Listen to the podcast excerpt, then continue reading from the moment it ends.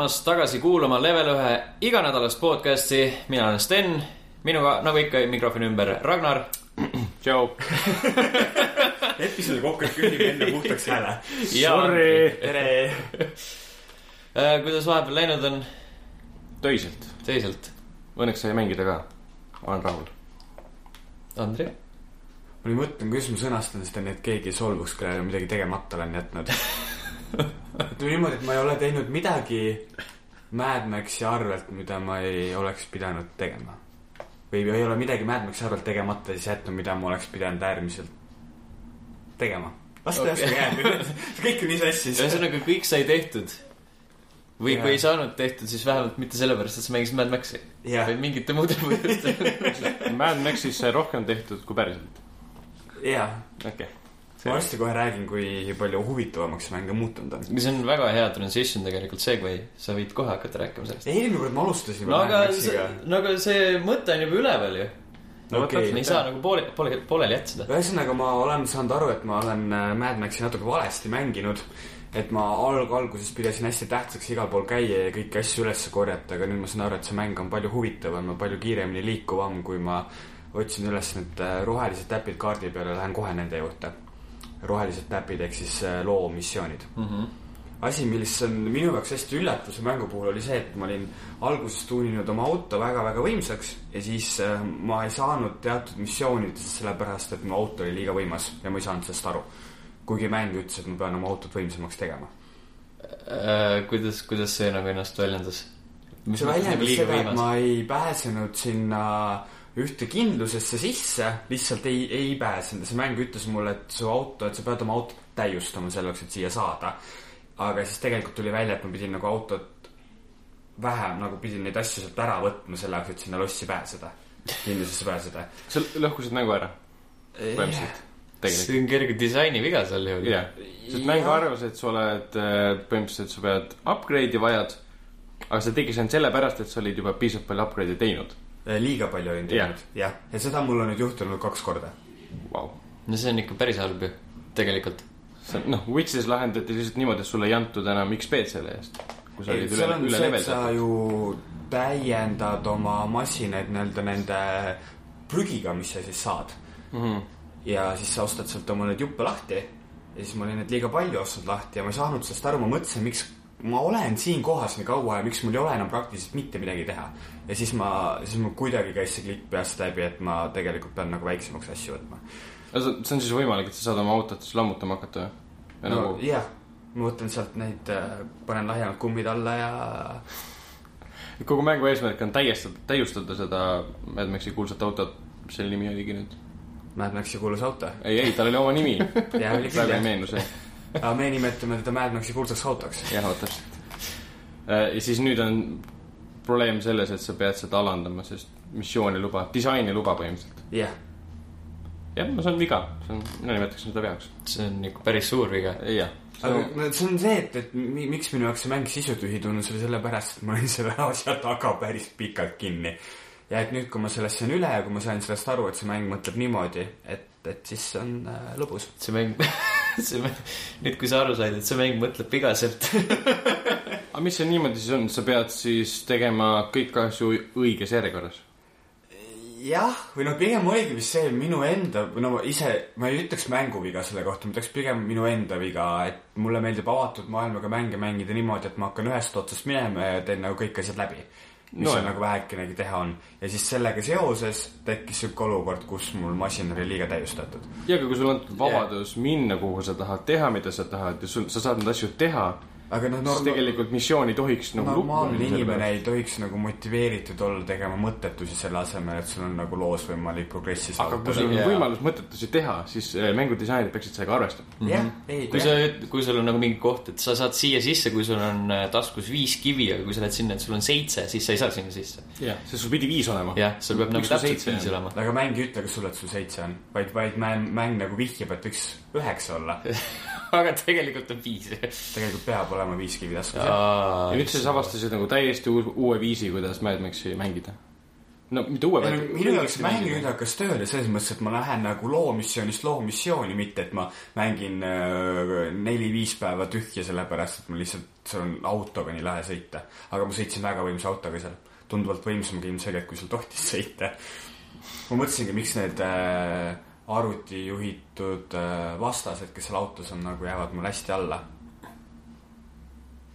auto oli hea. ma kujutan ette nagu hästi allajäämist. noh, selles mõttes, ma olin hästi üleval. autoratast. okei, aga see rohkem pole midagi ära rikkunud. nagu ei no selles mõttes, et rikkus ainult või- seda, et ma nagu loos ei pääsenud kaugemale, jah. wow.. Witcheris lahendati kõik siuksed asjad, Witcher kolmes siis lahendati umbes niimoodi, et kui sa tegid av ringi avastasid mingi asja kogemata ära, sattusid peale, siis sattusid selle missiooni peale, kus see sulle esi- esimest korda anti, siis see tegelane vastas sulle umbes niimoodi, et no sa- sa, tegelane sai, Witcher sai talle öelda põhimõtteliselt, ma tegin selle juba kunagi ära kolm, kolm-neli tundi tagasi mm. -hmm. siis inimene, aa, okei okay,, tänu, ta andis raha okei et mitte midagi ei läinud sellest katki, mäng lihtsalt avastas, et aa, sa oled nagu backtrack inud, sa oled kuskil ringi käinud, midagi teinud juba. et ma näiteks tapsin mingi kohutava koletisjärje, kes oli kakskümmend leveli minust tugevam. Siis pärast tuli välja, et see oli väga oluline plotline, ütleme, main story's. aga midagi sellest ei juhtunud, aga kas sa nagu oleksid saanud ka talle öelda, et ma ei ole seda ära tapnud, sest sa tegelikult ei saanud aru näiteks, et sa tapsid ta ära ja siis oleks ta pidanud uuesti tapma siis sa minema. avastadki selle momendi, et aa, sul tuleb valik, et ma olen seda juba teinud, sa hakkad Okei, meelde tuletama, mis okei. see siis oli. aga asi, mis ma veel olen proovinud, on sihuke asi nagu mõtlen, kuidas nüüd see, kunagi nimetati seda Heroes of Might and Magic uks ja nüüd on selle seeria nimi Might and Magic. ehk siis selle nüüd seitsmendat osa mängisin natukene. jaa, kas te kuulutate ka sellesse põlvkonda, kes äh, Heroes of Might and Magic kolme mängis kunagi hästi palju? mina ei ole mitte kunagi ühtegi mänginud. mina ka mitte. ma olen mänginud seda mingit, Ma mis tean, on et see oli seotud sellega, aga see FPS versioon. kas see on selle seeriaga seotud kuidagi või? Ei tea, mida sa mõtled. oot, kurat, mis, mis selle nimi oli? ma, ma guugeldan natuke, räägi muljeid. ja kuna ma FPS, hästi, hästi palju mängisin Heroes of Might and Magic kolme ja mäletan, et oli nagu, see oli see mäng, mida ma tollel ajal oskasin nagu mängida ainult äh, sõbraga, sest et arvuti vastu oli see mäng jõhkralt raske.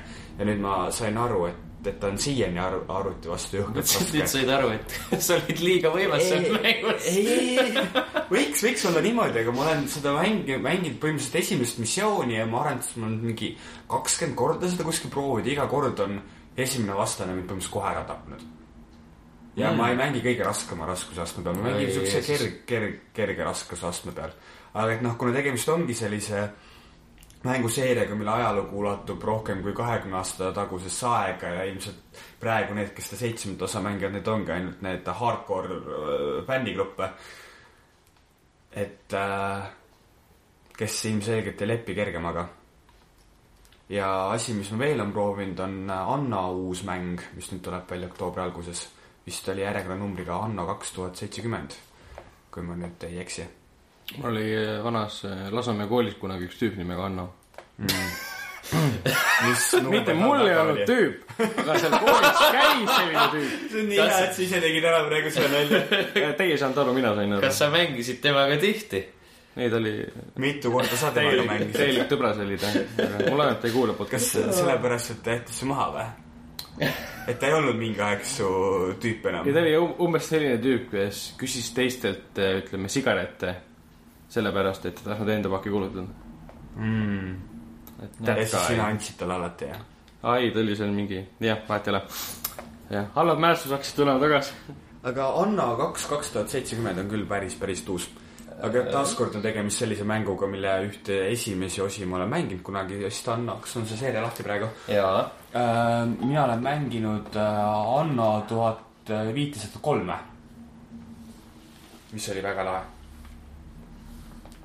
See on see koht, kus ma pean ütlema, et ma ei ole mitte kunagi Annosid mänginud. ma ka mitte. Ma ei tea, ma ei ole üksi. Viljandis ilmselgelt ringlesid natuke teised mängud Jah. kui mujal Eestis. siuksed halvemad asjad. no ma ei ütleks selle kohta halvem asi, sest et seda mängu siiani tehakse. homm oli nagu väga populaarne, minul oli lihtsalt see teema, et mul ei olnud arvutit, millega mängida. ahah, seda kunagi konsoolidel ei ei ole siis olnud või? mina küll ei tea. Mm, ei tea küll, et oleks. see pole seda sorti mäng ka, mida nagu kuskile toppida. ma võtan kõik oma sõnad tagasi, et ma ei hakka midagi halvaks nimetama, kui ma ei ole seda mänginud, siis ma oleksin oleks nagu viisakas sinust jah. jah, täpselt.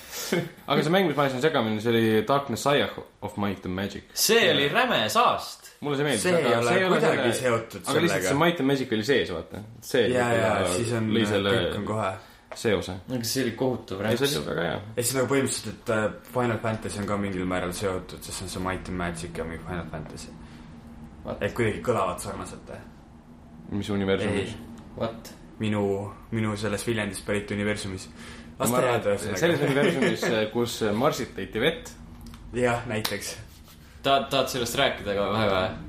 sest mul ei ole rohkem midagi rääkida, sa võid äh, nüüd. nojah, okei, ma võtan üle, Marsilt leiti vett, mis tähendab seda, et kõik äh, uued äh, videomängud, mis vähemalt noh, mingil reaalsuse tasandil kajastavad võib-olla teisi planeete, peavad oma skriptid ümber ehitama. millal on videomängude peamine eesmärk olnud äh, reaalsust võimalikult hästi imiteerida? alati.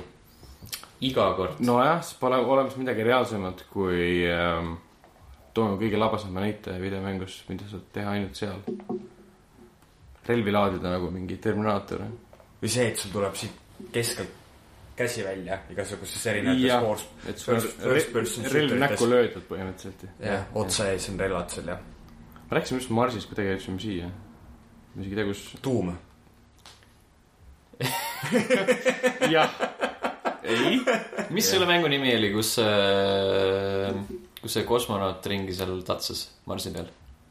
aa, see oli Lifeless Planet. jah, vot see. Marss see, kas see oli Mars või?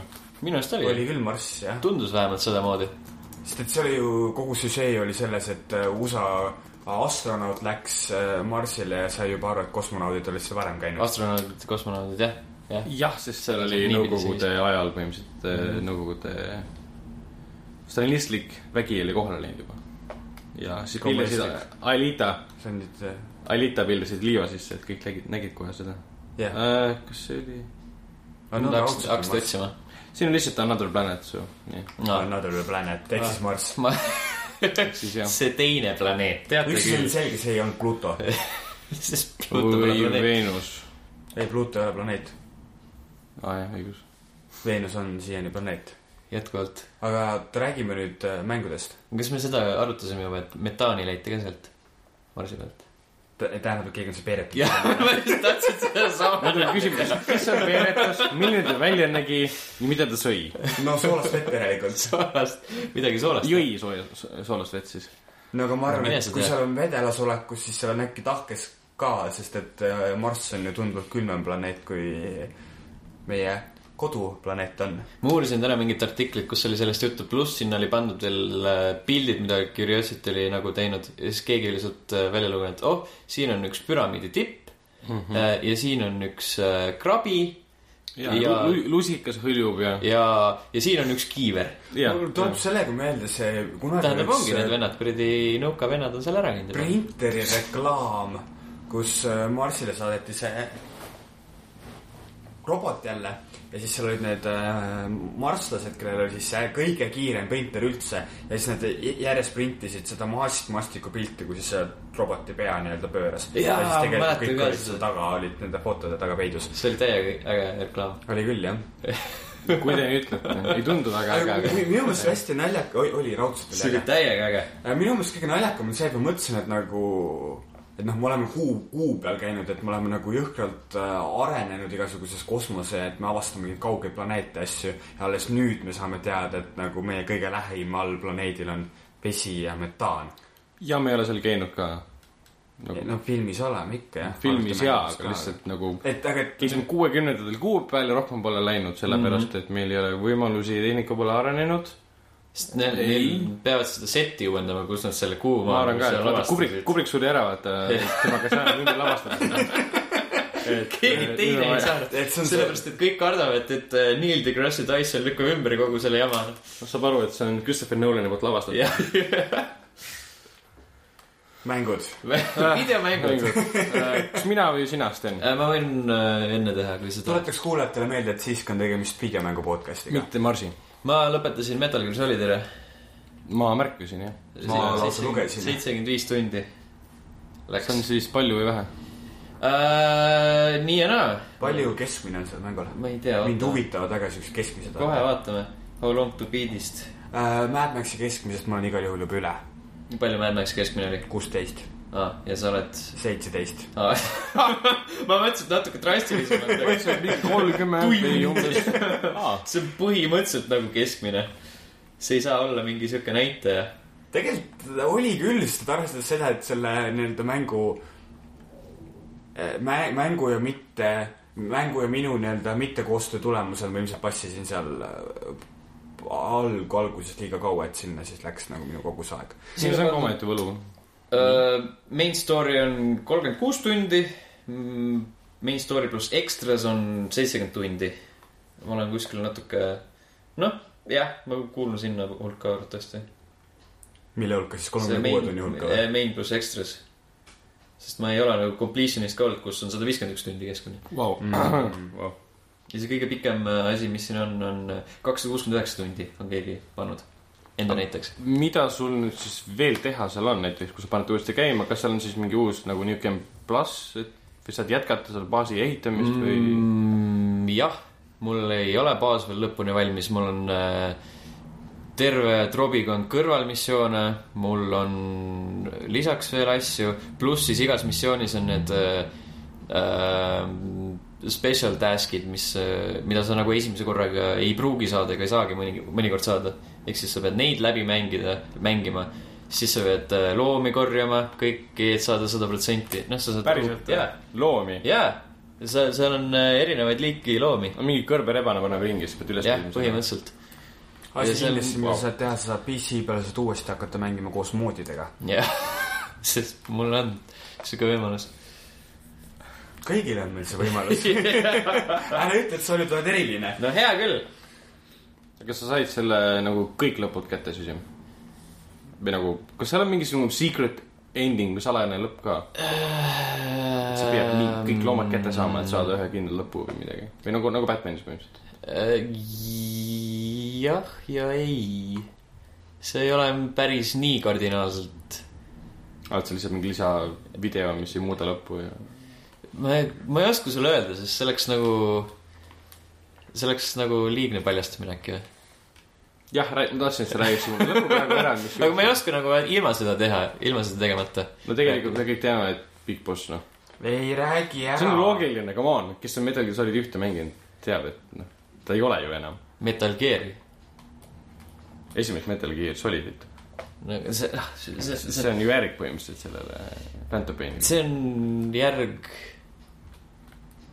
see, pärast, pärast Phantom Paini peaks tulema tegelikult Metal Gear Solid üks. ei, Metal Gear, kuule, kas sul on närvid No läbi need või? jumala närvidele käib see. jaa. Need on ka, need on väga canon. nojah, aga minu arust on päris versioonid. kuigi need on ikka Kojima omad, nii et no, no Need disrespect. kuuluvad seeriasse Kojima enda sõnul juba. mm.. sest seal on nagu väga olulised need äh, loopunktid olemas. nojah, siis Big Boss on päris pikalt seal veel jah, pluss nagu äh, Grey Fox ja siuksed tüübid. ehk siis siin ta ei kao, aga ühel hetkel kaob, sest ühel hetkel teda lihtsalt ei ole enam. ja siis on kõik tema kloonitud lapsi täis, kes tahavad maailma hävitada ja siis on hästi telepaatilised ja psühholoogiliselt seotud omavahel. eks sa põhimõtteliselt tahad ikka teada, kuidas see mäng lõpeb. võin seda, guugeldada ka praegu. ja siis tuleb ke- keset saadet lihtsalt. lubage, ma ütlen teile midagi. ühesõnaga, sa soovitad siis, ma soovitan kindlasti jah, et ma peaksin alustama selle mänguga, mida ma ostsin juba mingi, jaa. kaua sa mänginud oled seda? ma mõtlen nagu ajaliselt, millal see välja tuli nüüd? esimene september, täna on umbes kuu aega siis. noh, jah, kuu aega ehk siis kuu aega on vedeleb mul Steamis. mm. -hmm. hallitab, häbiväärne. väga. kas ei oleks mõttekam osta mänge siis, kui sa neid mängima hakkad, et äkki sa nagu säästad rahaliselt midagi? miks? ja ma ei kuluta raha millegi muu mängude peale niikuinii. okei, eriti me- nende mängude peale, mida ma kunagi ei mängi. nojah. ok. no selge, selge, selge äh,. lisaks ma mängisin natuke Alien Isolationit, issand jumal, lõpuks. jah, oota, algusest peale või sa käid kuskil poole? Algusest. Vau, noh, nii. oli okei okay.. that's about it. on kogu emotsioon, mis sa said. jaa, mis see natuke tähendab siis, tund, kaks, Ähm, kolm, viisteist minutit. mingi kaks tundi äkki või? võib-olla siis, siis sa jõudsid juba, siis sa juba nägid Xenomorphi ja jaa, teda ma nägin. ja see üks tüüp juba äh, sai, leidis oma otsa, jah, okei, okei. ja siis äh, lõpetasin siis, kui oli mingi terve kari neid androide ja siis mul oli ainult üks kuul püstolis. ja, ja see Androidi teema muutus seal väga, väga õõvastavaks kohati. Mm -hmm. et kui vaatas sulle oma heljade silmadega otsa, siis nügisid teda korra ja siis mingi hakkas sind taga ajama. ja viimase asjana Rainbow Sixi beetat proovisin ka natuke. räägi sellest, Xboxi see, see on huvitav. Xbox'i peale jah äh,, ma ei tea, ootama pidi hästi palju, ma arvan, et on beta jah, jah, Ubisoft. ja mingi väga vähese. Ubisoft. kaks väga head asja, mis käivad koos, jah, Match made in heaven.. jah, Äh, ma ei tea, nagu kohati oli lahe, aga samas nagu kordagi ei olnud siukest äh, hetke, kus oleks olnud piisavalt mängijaid ühes võistkond- või mõlemas võistkonnas, et saaks seda. piisavalt, see on viis versus viis ju. seal oli, minu situatsioonis oli viis versus kaks. aga kas sa, kas sa, kui nad reklaamivad ennast praegu sellise lausega, et nad proovivad nii-öelda Counter Strike'i hakata välja sööma, et kas see on nagu massisõbralik mäng? et pigem mulle ta igasuguste videote asjade puhul jätab mulje kui sellisest nagu keerulisest mängust. mina ei tea, minu arust on suht lihtne. see ära se- selgeks teha endale. Counter Strike'id ei ole kuskil jälle. aga nagu neid asju, mis sa seal ma arvan, et see on nagu pigem sihuke evolve, et äh, tuleb suure hurraaga ja siis keegi enam ei mängi seda. võib-olla noh, noh, kindlasti mitte nii kardinaalne. Evolve'iga võrreldes ta levib kindlasti paremini, kauem ja mängijad ei kao ära. jah, aga nagu üld, üldises pildis on nagu pigem sinnakanti okei. sa mängisid sõpradega muidu või mängisid suvakatega? suvakatega. kuidas see tundus siis? et kas inimesed tegid seda, mis nad noh, tegema pidid? no vähem, sihukest tunnet ei olnud, keegi jookseks nagu peata kaneringi mööda kaarti, aga muidu üldiselt mina ei tea. Ikkagi aidati maha kukkunud kamraade, mis seal oli siis, lõhuti seinu, pandi neid granaate üles kuskile, mis tuvastavad vaenlase asukohti või midagi. see on sihuke, noh, ta oli okei okei. noh, ah,. üks asi, mis ma unustasin ära eelmine kord, kui ma tahtsin seda beetat proovida, tehnilist testi proovida, siis oli huvitav see, et, et mängida Siege'i ultra peal, peab su graafikakaardil olema kuus gigabaidi VRAM-i. kuus gigabaidi. kas see mäng nägi Xbox'i peal välja selline, et ta nõuaks kuute gigabaiti? Xboxil ei ole kuute gigabaiti. no jaa, aga ikkagi, kas ta Xbox'i peal nägi he nii hea välja, et sa pole midagi taolist kunagi varem näinud? mina ei tea, nägi välja nagu mäng. no vot, see üldistab, üldistamisvõime on geniaalne muidugi, GTA Ta nägi välja nagu tavaline mäng. nelja jaa, aga see oli GTA. Üks on siseruumides aset leidev shooter ja teine on avatud maailma, kus Jah. saab nagu muru teha põlvini Ja- ja, ja joosta sealt läbi ja jah., ja.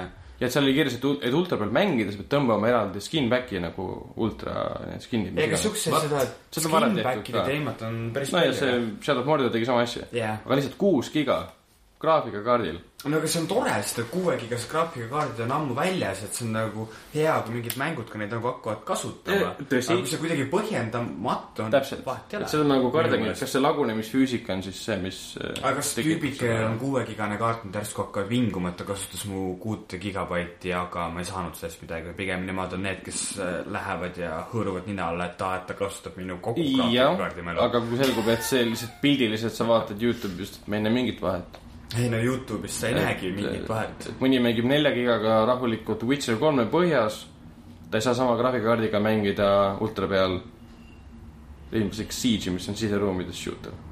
minu jaoks on natuke naljakas see, ma ei tea, aga minu, ma ei tea, kuidas teile tundub, aga minu, minu meelest seal on nagu loogika olemas, see, et kas ta on nagu nii hästi siis äh, kohandatud PC peale või et noh, alaküsimus iga mängu puhul, mis viimasel ajal tekib, on, et noh, et millele see mäng siis kõigepealt nüüd tehtud on, kas see on konsoolidele või PC peale. kui mäng on algselt PC peale tehtud, siis ma täitsa usun niisugust asja.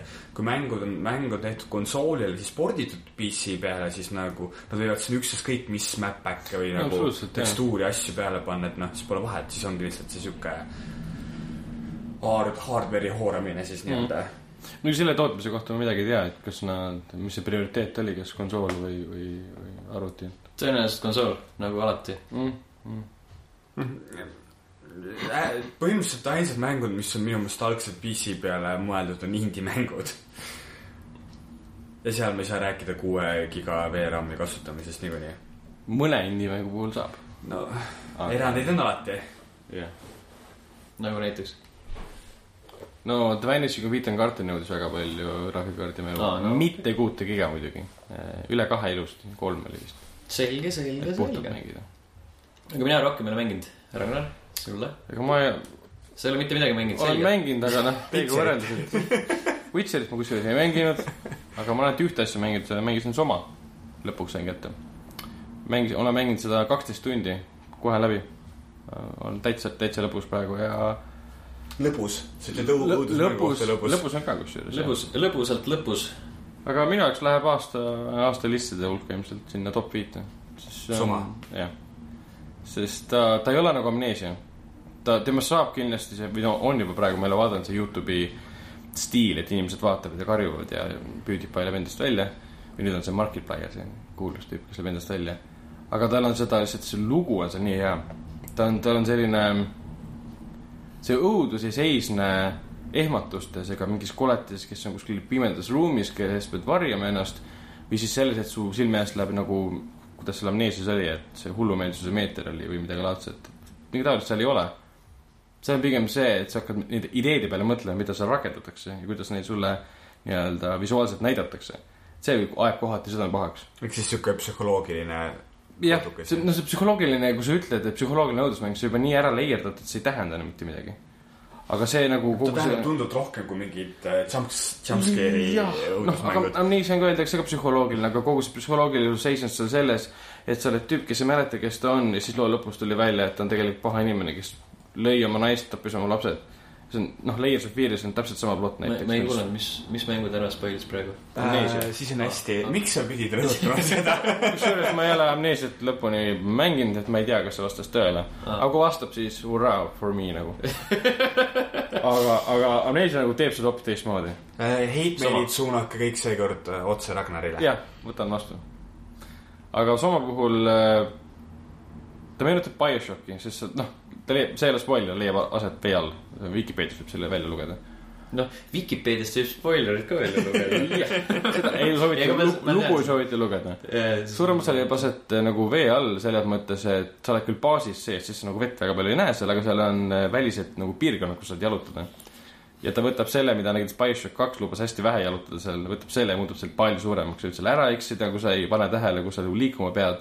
Siis seal ei ole nagu visuaalseid nagu UI elemente või noh, seda user interface elemente, mis nagu õpetaksid sulle, et mis suund on või mis sa tegema pead, sul ei tule ühtegi teadet, et nagu korja need kolm asja, kõik sulle öeldakse visuaalselt nagu tekstis või lihtsalt game disaini sees. ja ta väga palju hävitab ära sellesama teema, mida tahtsin ka sellest pärast rääkida, see üks, mis ta oli, Phil Owens kirjutas raamatu nimega What the fuck uh,, What the fuck is wrong with video games kus ta siis rääkis Last of Us'ist ja kuidas Last of Us äh, rikub ennast ära nagu oma usutavuse sellega, et sa seal mängus põhimõtteliselt nelikümmend kuus tuhat korda otsid endale mingit teipi ja kääre, et teha nuga. aga seal on umbes see sisse ehitatud mänguloogikasse. et, et see, et sa oled avatar, see, et ma mängin avatariga, selle tegelasega, omandab selle loo käigus äh, siukse väga kohati nilbe mõõtme. James Cameroni avatariga või? palun ei, kõik ei seostu ilmselgelt avatariga ähm,. jah, jah, ma mõtlen, mis ma veel selle kohta võiksin öelda, ilma et nagu spoil imata, sest seal on noh, isegi arvustust kirjutades ei saa väga öelda, et mis seal tegelikult toimub, sest kui inimene sa noh, saab mõnest vihjest aru, kui ma ütlen, et aa, et seal kasutatakse Philip K Dicki või siis äh, Lovecrafti nagu tööde nagu re refereerimist, siis inimene, kes on Philip K Dicki asju lugenud või fil- filme näinud, mis põhinevad sellel, hakkab asju kokku panema. ühesõnaga, sa juba ütlesid seda. täpselt, aga noh, ta ei ole nii suvaline, sest kuidas nad Amnesia lugu tegid, oli niimoodi, et nad võtsid oma äh, mõjutajad Lovecraftis, mis iganes, kootikirjandus, õuduskirjandus ja kogusid kõik selle ühte patta ja arvasid, et sellest tuleb hea lugu. Nad ise kirjutasid sellest oma selles oma blogis ka. ja pärast tuli välja, et keegi ei saanud loost midagi aru, kõik oli tekstipõhine ja krüptiline ja seega ta on nagu kätte võtnud ja teinud selle nagu korraliku sellise nagu narratiivse elamuse. mis ei põhine sellele, et sa pead ainult lugema, kuulama, seal on sõnas mõttes dialoogid korralikult sees, teksti, noh, inimesed saab rääkida, mitte küll valikuline, et sul ei ole päris seda. aga nii-öelda reaalsuse taju hävitamisega äh, tegeleb see mäng päris kõvasti ja jah. et, et on nagu tunda, et see on nende arendajate mäng number kaks. jah, no tegelikult see on juba mäng number kolm, neli, viis, kuus tegelikult. noh, sest numbrit oli kolm tükki ja siis Amnesia ja Amnesia Machine for Pigs nad tegid okay, koostöös. et aga nad on nagu, nagu leidnud oma tee, nad on teinud mängu, mis on ähm, nagu loolt hea, mehaanikalt hea, tegelastelt huvitav. et seal ei ole ainult see nagu huvitav aspekt, et ta on nüüd ehmatav. et ma lähen nüüd Youtube'i vaatan, kuidas PewDiePie röögib. et tal ei ole ainult see, et sa tahad, noh, mina soovitaksin seda lugu nagu vaadata ja vaadata, et see on nagu äge. see, mis seal nagu välja tuuakse lõpuks. ja need veealused sektsioonid on kohutavalt lahedad, see on tunne, nagu sa oleksid kosmoses. Sest sa oled nagu vee all, sügaval vee all, mingi Mariani süvikul põhimõtteliselt. no see ei ole spoiler, sellepärast et seal ei olnud Mariani süvik tegelikult lihtsalt paralleel sama asjaga. lihtsalt sügav koht. jah, ja siis sa vead ringi käies ja see on umbes teine elamus, et see vabalt võiks olla VR-mäng ka tegelikult. et see töötaks väga hästi sellisena No. aga noh, see õudus on äh, sarnane, et sul on äh, ruumis on üks koletis, sa pead tema eest põgenema ja siis eest, eest ära hoidma, võidelda ei saa muidugi. sul on mingi omnituul, millega siis uksi avada näiteks. Ja siis äh, ükshaaval saad vahendeid, saad mingisuguse väikse relva, millega siis teatud mingeid roboteid, mis mitte vastased, aga nagu kahjutust teha, et saada mingeid noh, asju näiteks, mida sul on hetkel vaja. et sul ei ole mingit inventory't ega midagi, kõik see, mis sul on vaja, antakse kohe kätte. ja disaini poolest seal ütleme, see õõv ja õudus on ikka üle prahi, sest noh, mulle meeldib see hasart õudusmängudes, kui ma lähen ruumi või olen seda mängu nii palju mänginud, et ma ei karda enam oma arust ja see mäng ikka ehmatab edasi. või siis see, see adrenaliini tunne, kui ma tean, et ma ei julge sinna minna, seal on mingi värides kuskil nurgast, jookseb minu poole, pilt läheb segaseks ja ma lähen endast välja. aga mulle meeldib see hasart ja see, ta pakub seda nagu laksu väga hästi. töötab väga, absoluutselt väga hästi. ja jah, ma ei oskagi üle kiita seda mängu. kuigi noh, ma olen kuulnud, et kuigi sa üritad. see tuleb minu arust päris hästi välja. ma ei saa, saa ainult kiita, sest juba keegi nagu ütles ka, et ma hakkan inimest nimetama, et esimene koletis tundus naljakas. Et eh, nagu mitte mingit usutavust ei olnud, et lihtsalt naeris selle peale. ja see on jälle, kuidas inimene võtab seda, et eh, inimene, mõni ei lähe lihtsalt sellesse loosse sisse või siis selle õudusesse sisse, võtab seda mänguna. aga minu jaoks see mäng lõhkus ära selle loogika, et eh, ma saan, ah see on kõigest mäng, et ma noh, mind ei huvita, et see ei ehmata mind, see on ju keegi on noh, fiktiivselt selle valmis teinud ja disaininud selle, et see ei ehmata mind sa mõtled mänge tehes siukse, nagu mänge mängides siukse asja peale? tihtipeale, kui nad, kui ta lõhub iseenda loogikat ja usutavust, siis on see, et mängid mingit õudusmängu, nii ära rikutud mm.. siis nagu ma ei ehmata enam sellest, ma tean, et keegi on selle taga, aga kui ta suud-, suudavad selle siukse usutavuse säilitada, siis on hoopis teine asi. ja Soma suudab seda väga hästi, kui sa filmi käid vaatamas, on sama teema, et, muidugi. et ma lähen nüüd kööki tegelikult ja võtan võileiva ja ma unustan täiesti ära. filmi vaadates ma mõtlen kogu aeg selle peale, et näitlejad on ammu raha kätte saanud, maha joonud. Robert Downey Jr ostis endale uue auto või mis iganes maja ja raske elu on sul. issand. õudusfilmide puhul samamoodi tegelikult, vaatad seda, issand see on, hakkad mõtlema, aa mingi kunstnik tegi selle näo siin.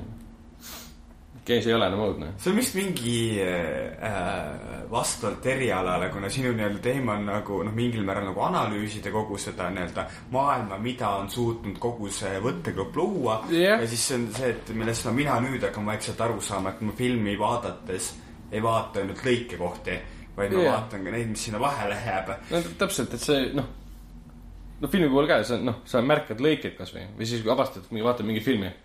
oota, miks ma lõikeid ei näe, siis hakkad vaatama, siin polegi lõikeid, issand, see on Lubetski filminud. issand, see on Inarito uus film, et siis on nagu, no mulle just meeldibki see, kui film suudab selle illusiooni lõhkuda, mitte illusiooni, vaid selle reaalsuse, mis ma olen nagu filmide vaatamise ära rikkunud endal. selles mõttes, et, et Selle sa, nagu et sa hakkad montaaži märkama siis, kui montaaž on kehv või kui sa oled monteerija, sa hakkad nagu veebilehtedel programmeerimist märkima siis, kui see on kehv või kui sa jah. oled programmeerija. jah, aga kui mäng suudab selle nagu äh, selle sihuke sihiliku vaatamise ära lõhkuda ja tuua oma oma reaalsusesse hüperreaalsuse. E- jah, noh, oma reaalsuse tagasi tuua, siis on hoopis teine asi, et sa nagu mm. noh, tänulik selle üle lausa ja Soma minu jaoks nagu suutis seda teha. kas me lõikame selle jupi välja ja siis äh, paneme nagu eraldi mingi akadeemilise podcast'i või? jah. ja see, see ongi täpselt see osa, et see teemaga podcast, selle me just salvestasime ära, vaata nüüd sa püüad nullist juurde jälle. näiteks. no Soma soovitan jah, mängige ka. PlayStation neil on olemas, Xboxil ei ole, nii et ega sa jumala eest midagi rohkem mänginud ei ole? Eh, jumal tänatud. jumal tänatud. ma ostsin selle raamatu, see Phil Owensi sellest me juba What the rääkisime fuck is wrong with video games. esimest korda kasutan Kindlet ehk siis Kindle programmi, siis loen oma mobiilis seda bussis istun no see ei ole, see ei ole päris see siiski. mm,. suva. kindli Kindel on ikka- Ma tean, ma tean, ma tean. esimesi on need kogu see tint ja e- elektronid ja päris ta- tehnoloogia. Läheb täpselt nagu mobiiliekraani järgi ja ei, mingit scroll imist ega mingi suurendamist ei ole, et mul on nagu väga hea lugeda. tüübil on hea jutt, soovitan ka osta, neli eurot on ainult Amazonis. ma räägin, muidugi reklaamin seda praegu. nii lühike raamat, et sa üldse ei pea scroll ima. selles mõttes scroll ima, et sa ei pea nagu pilti suurendama, et paremini lugeda. et ma isegi ei tea, mitu lehekülge ta oli, aga noh, samas neli eurot. üks. ei pidanud scroll ima. pool, sellest pool oli pilte. keegi võiks sellise raamatu välja anda. ma arvan, et see on tehtud. ma arvan, et on lihtsalt mingi tühi raamat ka välja antud. või mingi ühe sõnaga. Come on, sul on isegi purgis sitta müüdud, nii et noh. ja õhku on müüdud ja no vett müüakse ka purgis. see, kujuta ette kujuta ette kunagi ilmselt keegi ei arvanud seda, et hakatakse sulle vett müüma. sest vesi oli nagu loomulik ja nüüd läheb poodi mingi. Miks siin sada erinevat vett on?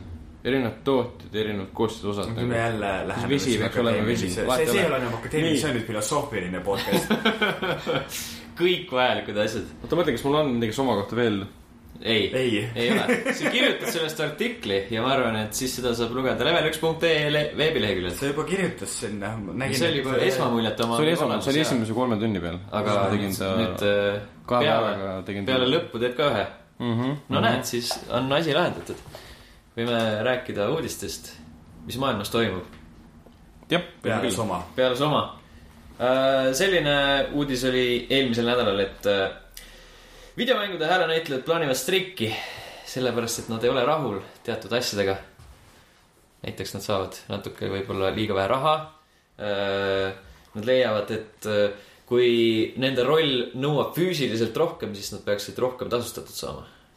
ehk siis nende füüsiliselt rohkem tähendab siis see tähendab seda, et äh, kui rollis on näiteks palju karjumist või siis, kui sul on see motion cap osa ka sees, sellepärast et paljud stuudiod nõuavad tänapäeval seda, et äh, häälenäitleja teeks oma rolli sisse ka nii-öelda füüsiliselt. jah, sest need kõige kuulsamad on seda teinud ju, Troy Baker ja ja Nolan North teeb ka vist mm. Mhm. -hmm. ja, oled näinud neid kostüüme mummukestega? ja nojah, see on füüsiliselt nõudev jah. eriti kui sa teed, teed, teed, teed David Cage'iga film. Nemad ilmselt nagu saavadki rohkem raha. mm.. aga selles mõttes, et noh, ma saan aru, et ka üks, üks point oli ka selles neil, et nad tahavad, et neid nagu tuud, tuud toodaks rohkem nagu mängude puhul välja, et, et ka neid nagu tunnustataks rohkem mm. -hmm. et tegelikult see on nagu mängude puhul hästi-hästi oluline asi ja mulle ka näiteks noh, praegu mängides aasta kaks tuhat viisteist mänge, kus ei ole häälnäitlejaid kasutatud, see on ikka päris õudne, et sa pead lugema seda seal. et sa mõtled praegu Issand. seda äh, hiirest? las ta jääda, mis ma mõtlen, see ei Kui- oma enam tähtsust. kui peab isegi lugema, no see on ikka kohutav. jah, sest kes enam loeb kahekümne esimene sajand ikkagist. samas neil on hea ajastus sellega, et nagu häälenäitlejad on praegu nii popiks saanud nagu superstaarideks.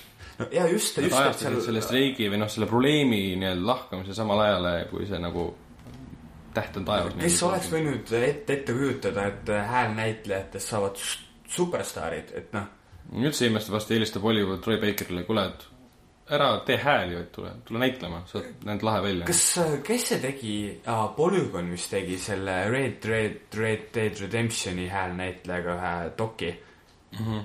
Mis oli väga-väga lahe, kuidas see tüüp ongi kolinud kuhugi metsa ära. kasvatab seal oma lapsi, tegeleb mingi auto paranduse või mingi teemaga, isegi ei mäleta, mis see amet täpselt oli, siis nagu, et. mehaanik. ühesõnaga ta ta tegi mingit, mingit muud, ühesõnaga mingit taolist siukest hästi-hästi füüsilist tööd ja siis mõt- mõtlesin, et aa, et kas tal nagu peab veel midagi tegema või mitte või. ja no selles mõttes, et, et ta on nagu näitleja karjääri nagu maha matnud. Mhm. siis ei saa ka nagu väita, et need inimesed oleksid nagu vähem väärt, kui nad teevad selle aga kallal samas nagu. Red Dead Redemptioni kogu see mäng ja kõik see, et mm. no ma arvan, et kui see tüüp tahaks, ta saaks kindlasti veel selles valdkonnas mis ta nimi üldse on? mäletada nime. John Marston. okei, nimetame teda niimoodi praegu, kui ma päris nime ei tea. Äh, see, sellega oli veel see teema, et äh, paar päeva peale seda, kui see uudis nii-öelda l- kulutulena levima hakkas, tulid mõned mänguarendajad Twitterisse ütlema, et nägin just jah, seda. et oleks tore, kui keegi meid ka nagu esindaks või et keegi meid tunnustaks. ja seal tekkis jah mingi vaidlus, et, et häälenäitlejad tahavad umbes sama palju raha kui mingid stuudiojuhid. samal ajal disainerid, nagu me saame poole vähem kui see, mis te nõuate, et meie ju ei tee streiki ega midagi. mm.. see ongi see, et mis nüüd tähtsam on. häälenäitleja, häälenäitleja või siis nagu mängu disainer. noh, disainer on olulisem, muidu poleks mängu. see on sihuke kahe otsaga asi. keegi tõi nagu siukse näite, et äh, disainerid on praegu, osad nagu kõlavad niimoodi, et kuna meil on sitt, siis teil ei saa ka olla parem, teil peab olema sama sitt. see on üsna sitt, sitt loogika tegelikult. no jaa, aga noh, see on, ma räägin, seda on, saab mi- mitmet pidi mõista. mängu puhul on kõik need asjad veel nagu eriti seotud ju selles mõttes, et kui sul on nagu disaineri sitt, aga sul on häälnäitleja väga hea, ega see nüüd ei tee su kohe mängu väga heaks. ja vastupidi. jah, no siin tekib muidugi see teine probleem, et sul on nagu nii noh, kohutavalt palju disainereid ühe mängu peal. ja üks nendest võtab sõna, et tahaks rohkem palka ja siis keegi ei tea, kes ta on, mis su nimi, ütle mitte midagi. samas, kui räägid häälnäitlejast, siis oh, Troy Baker, Nolan North. Rob, Rob Viethoff, kes tegi John Marstoni vot täpselt. Marstoni rolli. jah, kas sa leidsid midagi selle doki kohta üles või ei leidnud? ei, ma nii palju ma just mõtlen, et kas ma nagu panin midagi segast või pannud, minu meelest see oli temast see dok. aga samas ma võin ka eksida. aga GTA viie puhul ju, mis, mis, kus, mis nüüd kõik need tegelased olid seal? Trevor, Michael- Michael oli ju ei, Trevor, kumb see maffia boss oli? Michael. Michael, Michaeli puhul ju oli Keegi see ju, noh, jah, tegelikult küll. see on see kõige maffialikum tegelane siis sealt. no tegelikult Trevor oli maffia boss kohati no.. nojah, Trevor oli kõige boss. ühesõnaga, Michael ju tegelas, kes teda nii-öelda nagu näitles ja seda häält tegi, tema ütles, et jah, et tema oli ka ju näitleja karjääri ju maha matnud. Mm -hmm. Ja siis äh, tema nii-öelda äh, ag- agent äh, helistas talle, et aa, et kuule, et tahad, tahad sa veel mingit asja teha, onju. kuigi noh, tegelikult tüüp oli juba mõelnud, et enam ei, ei näitle, ei tee seda asja, oligi nagu täiesti mingi uue elu peale läinud mm.. ja ma kuulasin intervjuud temaga, kus ta rääkis just, et see, et mingil määral kogu see Michaeli tegelane seal ongi nagu tema päriselt ja siis, kui nagu leiab äh, videomängus nagu oma selle kutsumuse uuesti üles, ehk siis hakata, hakata panka röövima, siis tema leidis ka tänu GTA-le oma kutsumuse uuesti üles, et ta tahab nüüd nagu veel teha kogu sihuke, noh, kõiki siukseid töid. Mm. oota, mis teda siis takistab või? ei no tavaliselt siukeste asjade tegemist takistab see, et sul ei ole tööd, aga noh, peale GTA viite sul kindlasti nagu on tööd jälle. ma arvan ka jah, calling card missugune, jah, see Trevori hääle näitaja tegelikult võttis ka sõna ju seesamal vist Twitteris rääkis, et kindlasti toetage ja Will Wheaton võttis ühendust, te, andis teada, et kirjutas pika artikli ka, mismoodi see töö üldse välja näeb ja see oli palju, Twitteris oli see hashtag performance matters vist mm,, jah, mille kaudu nad häälenäitajad üksteisele toetust andsid seal. aga veel, veel ideid selle teemaga seoses? tuli see meelde, et Until Dawnil oli üksteist tuhat lehekülge stsenaariumit. kümme. jah, kümme tuhat kümme. tuhat. Kas me ei rääkinud seda eelmine kord? no me Ei. rääkisime pärast podcast'i sellest. see ei jää ei mina rääkisin sulle, tähendab. aa, hakk. et Ma mõtlesin- mis on äge. et oli, mida sisse Jah. nendel häälnäitlejatel. ja Until Dawn ei töötaks, kui seal oleks vähegi halb olnud näitleja töö. sest kohutav rämps mäng on, keegi pole seda mänginud, siis need valikud ei lähe sulle korda, kui näitleja ei lähe korda, kui see animatsioon ei lähe korda, aga animatsioon läheb korda siis, kui see häälnäitleja emotsioon on õige. et noh, see on kohutav suur tähtis töö tegelikult, et äh, seda võib üle väärtustada, aga alaväär-, väärtustada puhtalt selle alusel, et äh, ma ei tea, game director on tähtsam või ma ei tea, ilma sound disainita ei ole mängu või mis iganes pro,, ilma programmeerijata ei ole mängu, et noh, kes nüüd rohkem palka peaks saama. filmikoolist tuleb tegelikult hästi see asi välja, et kuidas iga osakond a la sul on nagu helidisainer asi nagu peabki, et tema osakond teeb filmist filmi. Aga tegelikult on see asi ju, et nagu miks see režissöör on nagu nii tähtis, on see, et tema peab nagu suutma kõigile selle terviku selgeks teha, et te nüüd teete nagu terviku nimel tööd. ja siis need tüübid, kes nagu hakkavad nagu oma osas panema mingisugust hullu või suurt kunsti tegema, siis ülejäänud tervik kannatab selle all. ja nagu sama kehtib ka kogu selle häälnäitlejate teemade puhul. jah, no tegelikult peaksid kõik tegema suurt hullu kunsti, aga lihtsalt ühel eesmärgil. ma jõudsin selle polügooni artikli juurde What happened to John Marston ja siin on mingi videoosa ka ja pikk-pikk tekst ühesõnaga, ma ei pannudki mööda jah mm. -hmm. hoiab oma last siin sai lapse. sa jah tal on terve, terve perekond sai lapse. leidis üles oma perekonna aga lähme nüüd edasi või, ma saan aru, et tegelikult viimased nädalad on niikuinii hästi uut uudistevaesed olnud, et me võime Me igal võime- uudisel peatuda vähemalt kaks minutit. äh, kolm sest Lego Dimensions saab kolm aastat toetust peale la- väljalaset see oli alateadlik sissejuhatus. kõigepealt, mis on Lego Dimensions?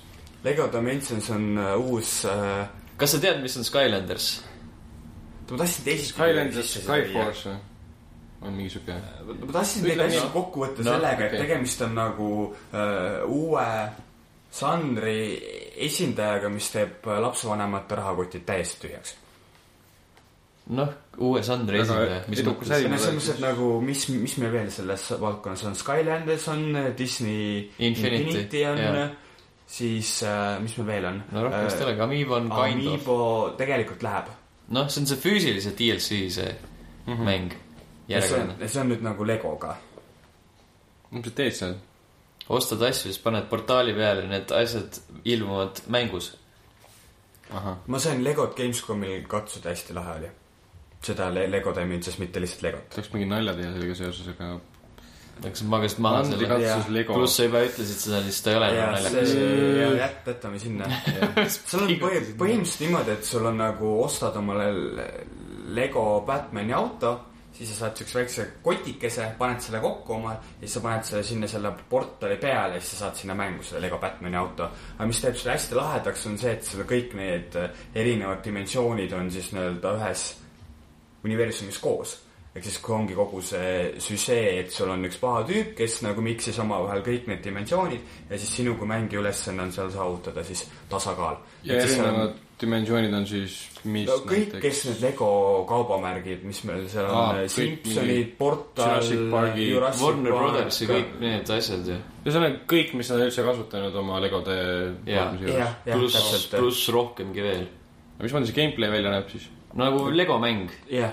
ehk siis kolmanda isiku vaates jah mingi tüüp. lihtne värk selge. aga mis selle Lego puhul ma lugesin neid arvustusi pidi lahe olema, mis ma tegelikult peale arvustuste lugemist ma sain aru, mis Gamescomil toimus, oli see, et sellest äh, nii-öelda portalist saabki sul väike sihuke nagu mängulaud. ehk siis sul on, kui sul on tegelane ühe koha peal, siis see koht sul näiteks läheb mängu, mängu siseselt läheb lukku. Et sa seal peal olles, kas sa pead ta kuhugi mujale auku tõstma siis see auk sul näit-, noh, et sa saad seda auku kasutada, enne kui sa ei tapa seda tüüpi seal mängus ära. ma ei oska seda teisiti seletada, aga selles mõttes, et nagu et, et võrreldes nagu kõikide teiste mängudega, kus sul see seadeldis, mille peale sa paned need asjad, ongi lihtsalt nagu seadeldis, mille peale sa paned need asjad. aga siis Lego mängu puhul on sellest nii-öelda omaette sihuke nagu väike minimäng, et sa nagu peadki sellega kogu aeg tegelema selle lauaga. ehk siis kokkuvõttes see on ikkagi väiksematele mõeldud mäng. see Ja on mulle. kogu peremäng ja mulle, mm -hmm.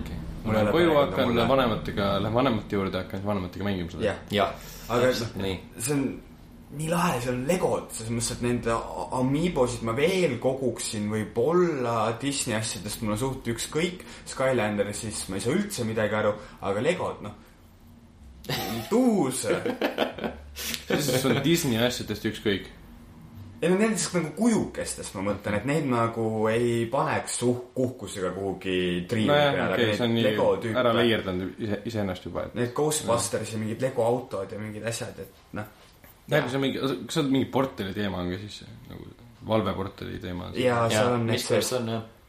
Okei, kus mingi diil selge, siis ma ostaksin küll selle mingi jupi endale, et et see omaks mingit eh, mis iganes Shelly kuju või mis iganes sul olla võib siis.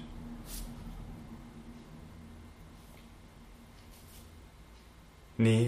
Jah ma ei ole seda mängu mingit, mingisugust trailerit vaadanud, et ma pean vaikselt pildi minu kokku meelest panema. on see kontseptsioon, vähemalt mulle see töötab nii hästi, et ma isegi ei pea omale hankima seda päris mängu ja seda päris portalit, vaid lihtsalt, et kui ma käin toidupoes ja ma näen seal seda äh, Lego Batmani, mis on selle mänguga seotud, siis ma lihtsalt ostan selle Lego, Lego, Lego Batmani omale. Lähed äh, toidupoodi ja siis kõid, kõnnid sealt Lego riiulist mööda ja mõtled fuck. jah, siia ma jäängi nüüd, täna jälle ei söö. täpselt. okei, nii, aga mis meil veel on vahepeal juhtunud? Uh, Shuhei Yoshida ütles uh, Sony Computer Entertainmenti peaosas olev mees ütles, et tõenäoliselt PS Vita järglast ei saa, kuna see nii-öelda pihukonsoolide ajastu on uh, mobiilide tõttu mööda saa-, minemas. las ma ütlen veel, mis üks äh, Sony äh, äh, mängumasin ei saa järglast. Playstation TV. noh, seda niikuinii. noh, osad ei tea, et siis olemas ongi, aga noh, jah. täna tuli Kotakusse muidugi see artikkel ka, kus äh, toodi välja need põhjused, miks PS Vita surnud on ja see enamjaolt on see Sony Sony enda süü nagu. ma arvan, et on, keda, keda sa veel süüdistad? noh? kõik see olematu reklaam põhimõtteliselt. ja need äh, purunenud lubadused ja et reklaami tehti palju Vitale alguses jah. Aga viimasel aastal oled sa näinud, et nagu ühelgi suuremal üritusel oleks nad seda massiivsemalt reklaaminud kui mingi möödaminnes. ei no, noh, point on selles, et. Tokyo Game Show'd mitte arvesse võttes. et, et see hetk, kus sa nagu reklaamid nagu mängukonsooli, et see on juba ammu nagu möödas, et sa ei tohiks enam konsooli reklaamida, sa pigem peaksid reklaamima neid asju, mida seal viita peal teha saab. aga nad ei tee sinna midagi. no täpselt, et selles ongi see teema, et nagu, et noh, Vita o- omanikuna, kes pole seda mingisugune, ma julgen öelda, et aasta aega katsunud, et noh, et mis mul sellest reklaamist.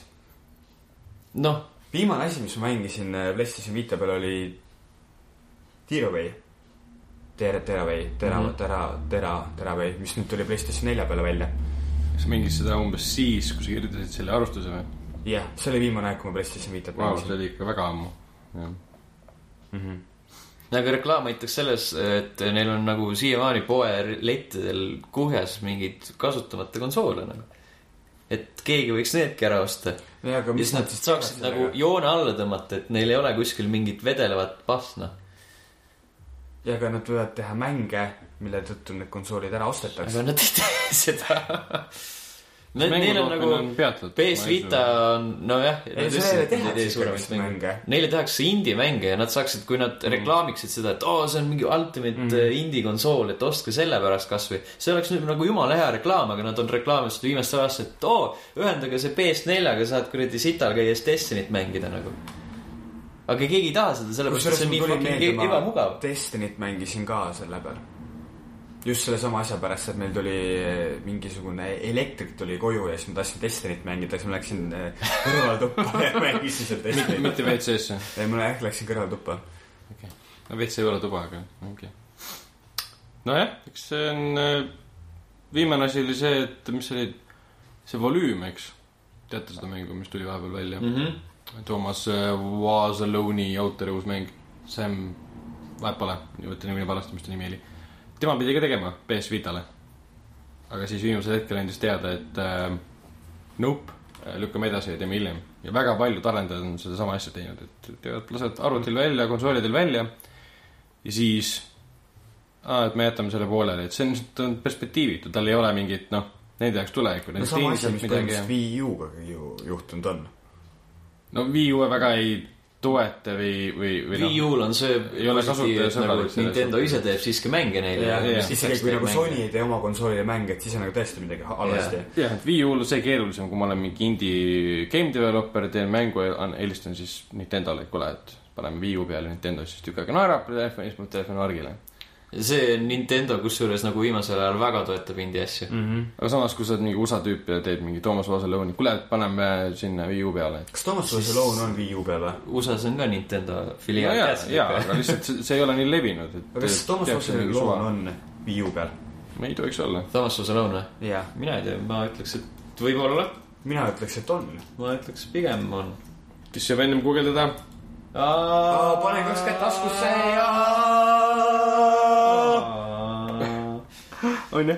no nii No., no nii no. praegu, näide koht läbi. praegu seda ei ole tegelikult väga. mida ei ole. Toomas Vasilone on praegu ka Wii U peal. näiteks indie-mängudest, mis on see aasta välja tulnud, noh, paljud No. neist on Wii U peal. no ma ei tea, millised, mingi, mingi, millised neist indie-mängud on- see aasta välja on tulnud. kas Väga Minecraft on palju. Wii U peal? Minecraft ei ole. Minecraft on see asi, mida ei ole Wii U peal No miskipärast. Project Carsi ka ei ole Wii U peal. jah, sa loetad praegu indie, indie-mänge või? indie-mäng Project Cars. No ta ju, jah, Minecraft on indie-mäng nüüd või? no see no on, noh, oli. ma lihtsalt, ma mõtlen nagu selle sihtgrupi peale. Project Cars oli sellepärast indie, sest tal oli Kickstarteri kampaania. ja ja ma lihtsalt nagu kuidagi peast, ärge nüüd hakake nii kinni sellesse indist okay,, ma lihtsalt lasin okay, mingi peas okei. mingeid suuri asju, mis on nagu hästi kõvasti meediast vahepeal läbi käinud, et kas neid on nagu Wii U pealt leida. mis on äh, meediast läbi käinud? veel. No Destinyt igal juhul ei ole U peal. seda ma tean juba nagu peast, ära isegi hakka guugeldama seda, Wii U peal seda ei ole. Destiny Wii U. see on väga hea uh,. okei okay., ma arvan, jätame selle Wii U ja PS Vita, sest et jah. aga näiteks PS4 peale tuleb Twitch lõpuks. me oleme sellest rääkinud. Ta see Twitch'is tähendab seda, et sa saad nagu sa saad nagu Playstation vaadata, vaadata. jaa, mitte nagu striimida läbi selle, aga vaadata see, mis lõpuks. see muudab, sest et noh, kas või see, et Seda nii palju, kui me vaadata. ise oleme striiminud, siis meil on nagu kõigil, meil on isegi oma nagu nutitelefonis võimalik see stream käima panna, et, et nüüd see tuleb Playstation nelja peale või? et aitäh, Sony. jah. aga see on lihtsalt selleks, et inimene et Sony võiks selle asemel rohkem seadeid tuua oma striimimisvõimalusse. rohkem PS Vita reklaam. noh, Ragnar, tahtsid rääkida? oota, see erinevus seisneb siis selles, et ennem ma sain vaadata tegelikult, kuidas teised inimesed striimivad. ainult läbi Playstationi. ei see ei, saanud sa said ise striimida, aga sa ei saanud vaadata, kuidas teised teevad midagi. läbi Playstationi. oota, mida ma siis oma sõbra juures olen teinud? põhimõtteliselt eh, see on sama nagu, kui sa saaksid Youtube'i videosid laadida, aga sa ei saa ise vaadata ühtegi videot sealt. aa, see oli, see ei olnud siis Twitch, see oli mingi Playstationi enda stream. jah, võib-olla. kui Evolve välja tuli, siis ma vaatasin tuttava juures, kellel on Playstation neli, kuidas tüübid mängisid äkki te. Vaatasite mingi- Youtube'i video? ei, ei, see oli otse ise. selle Playstation nelja interface'i kaudu sai sinna sisse minna, et ma ei tea, see võis olla nende enda asi siis jah. pigem.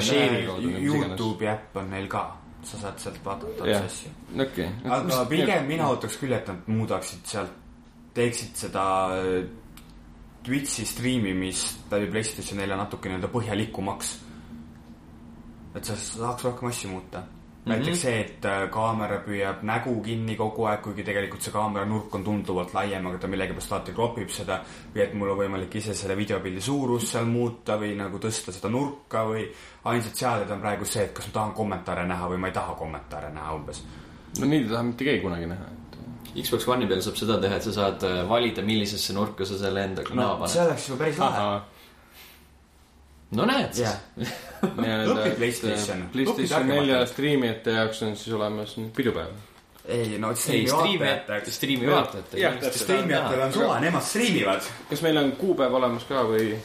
Äh, kuskil mingil hetkel kindlasti jaa.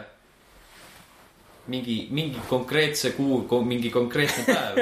et me nüüd teame, et tuleb. me nüüd teame, et tuleb ja miskipärast äh, ma ei näe seda hetkel. Ühesõnaga jääme praegu selle juurde, et ta tuleb. ta tuleb jah, aga see on see nagu tähtis, kas me nii väga tahame seda, sest ta tuleb Vita ja Playstation kolme peale ka muide. aitäh. Vita mis peale. asi on Mighty number nine? Mighty Number Nine on äh, Megamani spirituaalne järg, mis ta teeb? ta on mäng. sellest me nagu saime aru ja kas Nagu- ta tuleb ainult Nintendo peale? ei, ta tuleb kõikide asjade peale. Kas ta on Kickstarteris? jaa, see oli see Kickstarteri oma. Megamani tüübid teevad seda siis? jah, Keiji Ina- Inafune ise teeb seda. Vau, okei. aga Ja- see pidi ilmuma selle aasta septembris, aga nüüd ta on lükatud veebruari, selle aasta veebruaris. järgmise aasta veebruari. kas ma selle aasta jälle veebruar on möödas juba, nagu sa aru aru oled saanud. Facebookis saab küll nagu postituse tagantjärgi teha. jaa, saab või? jaa, saab muuta kella. saad muuta, et see tuli kutit, see tuli juba veebruaris välja. see ei ole nii nagu. okei, kas Ei ole neil nagu, miks nad edasi lükkasid, kas Kickstarteri goal'id ei olnud täielikud või, või ei, ei koolid olid ammu täis, nad äh, lihtsalt, mäng oli katki.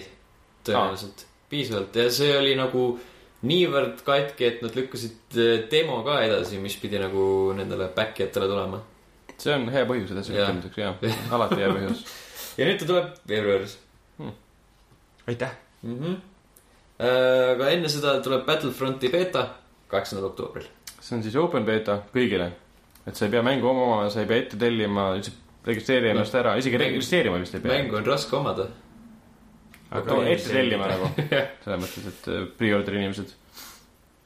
sa saad seda omada siis, kui sa oled äh, hull natuke peast. siis sa saad om- omada seda. Enda universumis, kus Marsil ei ole vett. ma jätkasin välja. see, mis mingi tund aega tagasi rääkisime. Ma kusjuures otsin selle videoklipiga üles, ma näitan pärast sulle. millise videoklipi? selle reklaami. aa, see Marsi, see printeri reklaam, jah. okei. Hewlett Packardi oma. habe. nii Okei. okay., aga, aga räägime siis veel asjadest, mis on kahekümne esimesel sajandil. Assassin's Creed'i transseksuaalne tegelane. jah. et see on siis kogu Eelmise- seeria esimene. eelmisel aastal ei olnud äh, piisavalt vahendeid, et äh, teha naistegelasi. Nüüd on äh, piisavalt vahendeid teha, et vahendeid, et teha me-, mehi, naisi ja transseksuaale. äkki nad kompenseerivad midagi?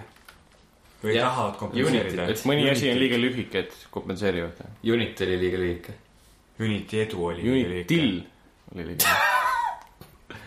okei, Unit, issand, see on isegi nii raske, et see naljakas siis peast tuleb, kui ma tahan seda nagu öelda. see oli nii halb. Mine metsa, kui halb see oli. täiesti kohutav oh.. tegu on kõrvaltegelasega, kes annab äh, peategelastele mitu missiooni. annab peategelastele Annab- tilli. Ja siis- supitilli. Assassin's Creed'i mänguloogikat arvestades on see mingisugune suht juhuslik tegelane, kellel on paar mänguvideot. me näeme teda ilmselt umbes nelikümmend korda või viiskümmend korda, annab meile mingid ülesanded. Ja siis on kõik. aga samas see oli vist eelmine või üle-eelmine aasta alles, kus nii mitu mängu järjest äh, reklaamis ennast sellega, et neil on nagu avalikult gei tegelane seal sees. Dragon Age Inquisition reklaamis ja ennast niimoodi um,. neid tuli järjest hästi-hästi palju, et ma mõtlen, et kui see nagu alles nüüd oli, kui nagu avalikult gei tegelase ka saadi mängu reklaamida, siis tegelikult mis, miks nagu Assassin's Creed ei võiks ennast reklaamida kui esimene transseksuaalne tegelane Assassin's Creed'i esimene seerias. transseksuaalne mäng. jah, mäng, kes ei tea, mis ta olla, kogu. mäng on jah, mis ta ei, ei tea, kes ta on. see tulemata ei jää. mitte, mitte selles seerias, ma usun. aga samas, miks mitte, et see on jah, et noh, kui see on ühiskonnas juba olemas ja samas, et kui, no see point on selles, et Assassin's Creed'i puhul saab alati millegi osas nalja teha mm. -hmm. ja Jah. nad pakuvad selleks alati põhjust. see nüüd pole asi, millel on nalja teha. no Assassin's Creed'i puhul minu meelest on No, asi, mille jah. nalja teha. jällegi nad toovad sisse nii-öelda tegelaskujusid, et siis saada endale plusspunkte. kohati selle eest, mida nad on varem teinud ja mida nad ei ole varem teinud. et pigem okei siis, okay,, mida nad on öelnud. ja siis pole teinud. jumal tänatud, et tehnoloogia on niivõrd äh, lühikese aja jooksul arenenud niivõrd kaugele, et transseksuaalsed karakterid on nüüd võimalikud. jah Jah., aitäh, Ubisoft. Ubisoft avastas, et maailmas on olemas mehed ja naised alguses ja siis me võime mõlemat kasutada mängus. kõigepealt nad arvasid, et ainult mehed on olemas. jah, ja siis tuli välja, et naised nagu Adam ja Eeva oli ka, vaata Eeva oli ka olemas, vaata. kui me sinna läheme näiteks. ja siis nüüd avastati, et on olemas äh, ärme lähe sinna. et see on, suhtumist on see hea ilmselt noh, teatud kogukondade poolt saab väga palju ei, plusspunkte. meil on hea meel, et äh, Ubisoft koos Assassin's Creed'i seeriaga on kasvamas. ei tea, kas sellest nüüd tänu sellele saab kohe hea mäng, ma kahtlen selles. mina tahaks juba teada, et millal Assassin's Creed ära sureb.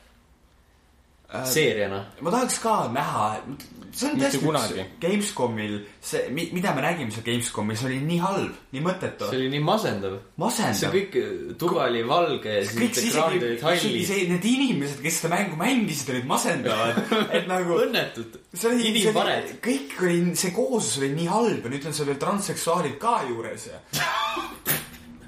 see on väga halb. jah, eriti arvates äh, reklaamikampaaniat, kus mängu reklaamitakse niimoodi, et meil on nüüd see grappling hook, saate mööda katuseid hüpata. meil on nüüd hobukaarikud, millega saate sõita, sa saad seal nüüd hobuseid tappa. saad hobuseid tappa ja meil on transseksuaalne tegelane. ja meil on Jack the Ripper Jah. kes tapab naisi. et kuidas, kuidas, kuidas need asjad nagu olulisuse astmed kokku üldse lähevad? meil on grappling hook ja transseksuaalne tegelane. sa saad tegelast Jah, mulle mul, lähemale mul tekkis tõmmata. nagu, mõtlesin, kas seda nalja on nagu mõistlik teha või mitte, aga kuna me oleme juba niigi sügaval läinud. kas, kas on võimalik, et teades, kui tehniliselt võimekad äh, Ubisofti inimesed on, kas on võimalik, et äh, transseksuaalne tegelane on tegelikult klits, kuna kaks äh, character modelit pandi kokku kuna seda oli nii raske teha, et kogemata ei, see oli kogemata lihtsalt juhtus. kuskil disainis pandi üks naistegelane, üks meestegelane täpselt samale parameetrile. Ja siis, siis kui kus, kuskilt äh, Ting! mõeldi, see on ju see. siis tuli Eureka mingi, läheb selle Eves, mis iganes see juhi nimi on ja rääkis talle ära kogu loo ja siis reklaamikampaania ette kohe. Yves Guillemot. ei no selles mõttes noh, ma pean vist ennast nagu üt-, ütlema, et mul ei ole mitte midagi igasuguste seksuaalsuste vastu, nad on kõik väga-väga toredad ja, aga mul on midagi vastu Assassin's Creed'i seeria suhtes peamiselt ja natuke ka Ubi Ubisofti vastu laiemalt. jah, selle võiks ka nagu välja öelda, et jah, meil on Ubisofti vastu väga palju. ja peamiselt Assassin's Creed'i seeria vastu, sest ju Ubisoft siiani teeb jah, lahedaid asju.. lihtsalt Creed on ära väsinud ja ma ei näe ühtegi asja, miks ma peaksin seda mängima. ühtegi põhjust, miks ma peaksin uut osa mängima. see on täpselt sama mehaanika. sest seal on esimene transseksuaalne karakter. ma olen seda mängu nõus äh, mängima Päris elus on ka. päriselus on ka, aga nad pole esimesed. grappling hook. Mina olen seda mängu nõus mängima siis, kui ma tõesti näen, et see mäng on nii halb, siis ma nagu võin seda nalja pärast käima panna, et ahahah, see on jälle naer, et see on põhjust nagu, miks podcast'is Assassin's, Assassin's Creed'i maha teha. jah, sellepärast teemegi mingi e ekstra episoodi Assassin's Creed'i uue osa jaoks. jah, kas, kas te olete vaadanud ka neid uusi treilereid ja story treilereid? see huvi kadus ammu ära juba. ma, ma olen ikka, noh, silma peal hoidnud, et esimesi ma vaatasin. noh, kõige viimased videod, no ma ei ole selline graafika selline fänn, aga need ei näe head välja. Need vahevideod, need character animation'id, et kui oled mingi Witcher kolme või selliseid teisi mänge mänginud, siis ta ei näe hea välja. see on Assassin's Creed. et lihtsalt, me toome ainult Play-, ainult Playstation neljale, Xbox One'ile ja arvutile või on vanadel konsoolidel ka. ei, vanadel ei tehta seda. no vot, siis et nagu siin ei ole isegi seda graafilist siukest nagu võimsust enam, mida nagu pakkuda neile. kui neil seda pakkuda ei ole, mida nad siis üldse nagu peavad transseksuaalse tegelase, naistegelase ja Grappling Hoogi ja grappling hooki nagu ja siis ja hobukaariku hobuste tapmist. ja hobukaarikuga sõitmine. ja pluss oled õde ja vend. aga mitte korraga. ma mõtlesin ka, et üks, üks inimene, õde ja vend, iseenda õde, iseenda vend. okei okay,, vot. lisaks selline asi, Oculus Rift ja Xbox e, Xbox One ei ole niipea veel ühildumas. Aga Oculus't ju ei plaanitagi ju konsoolide peale väga. jah, aga lihtsalt äh, igaks juhuks on see välja öeldud, kuna Ocul-, kui Oculus Rift jõuab müügile, siis nad tulevad koos Xbox One'i puldiga. pluss nüüd on nagu tuli see uudis, et Minecraft tuleb Oculus Rifti peale. ja, ja siis nad, no see on põhimõtteliselt ju sama asi, et, et kuidas USA-s kirjutatakse T-särgi sisse, et kui te äh, T-särgi kasutusjuhendisse, et enne T-särgi pesemist e eemaldage sealt seest laps. et siis, et põhimõtteliselt, et kõik saaksid aru sellest seosest, minu meelest Oculus Rifti puhul on nagu alati ju noh, kui, kuna Playstation laseb oma seda nüüdseks Playstation VR-i välja, onju, Microsoftil on oma see HoloLens, et miks noh, Neil on mingi suhe, mingisugune äriline suhe neil ikkagi on, et noh, pilte jaotavad ja mingi rahaline jaotus toimub seal kindlasti. ja aga kõik, kes mängivad PC peal puldiga, need mängivadki Xbox'i puldiga. jah, täpselt, noh, Playstationi pildi peal minu tutvusringkonnas keegi ei mängi, et. et ma ei tea, mis, kas Microsoft jääb ainult HoloLensi juurde või nad tahavad ka midagi nagu Oculus'e laadset. ma arvan, et no sellest on räägitud küll, vaata nagu siin artiklis ka öeldakse, et need nagu jutud on olnud, ilmselgelt on olnud et need äkki jutud. nad tahtsidki, et Oculus olekski nii-öelda nende oma. noh, jah, nad lihtsalt pole jõudnud selleni. ma arvan, et see see põhimõtteliselt tähendaks seda, et äh, Microsoft ostaks Facebooki ja Oculus'e siis ära või? seda küll, Ei, see Facebook ostab nagu- Microsofti ära enne. Zuckerberg vaatab, võtab, võtame oma taskust sularaha välja mingi, okei okay,, ostame Microsofti ära, et. ma arvan, et kumb, kumbatki pidi ei toimi see eriti hästi. See on väga huvitav, selles mõttes, et Microsoft suhtleb siis Facebookiga, et suhelda Oculusega ja teha mingeid äriplaane, mingid toetused käivad seal hm.. samas Oculus teeb ka ju Valve'iga ju teevad Jah. koostööd ja et no seal käib igal pool siukene, selles mõttes, et see on nagu lahe, et need uued, need äh, firmad, nad ikkagist nagu noh, saavad sellest asjast aru, et areng toimub koostöö puhul, mitte see, et aa, et mul on nüüd korp-, korporatiivne saladus, et mina ei võta sinu pulti, seepärast et mina hakkan enda pulti arendama, kuna siis mul on mm. suurem tõenäosus läbi kukkuda ega suurem tõenäosus raha teenida. Neil on ühised ärihuvid tegelikult noh. mis ärihuvi on, raha teenimine, inimeste kaasamine, võimalikult suur mängijaskond. et kõigil on samad huvid, et miks mitte ennast nagu rakendada samasse, sama vankri ette. aga et me teame seda, et äh, Oculus igal juhul niipea ei tule, eks. niipea ei tule jah. Aga mis aga võib PlayStationi peale, Play-, Playstationi peal Oculus või? PlayStation VR, nüüd on mingi Oku VR või? Oku, Oku, Oku, Oculus Station. Oku Station VR. jah, see kõlab nagu mingi halb arvutimäng. tahtsid öelda, Ragnar, midagi? hakkasid ütlema?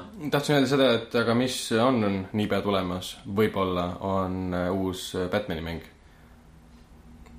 Warner Brothers vähemalt niimoodi andis teada. noh, võib-olla võib on äh, jätkumas seeria.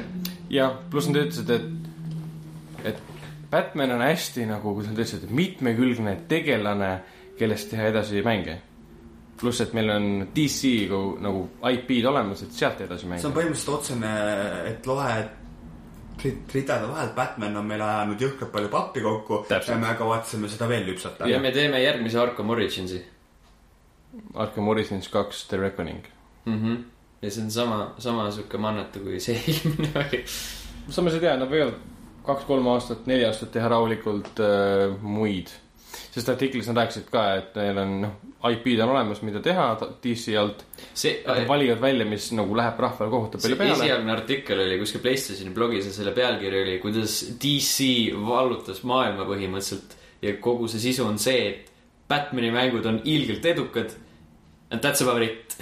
kuidas DC vallutas, ehk siis AKA Batman. tegelaste põhised mängude hulgast Batman, Batman, siis midagi muud nagu, mis mis seal veel üldse? Lego Batman jah, Lego Batman.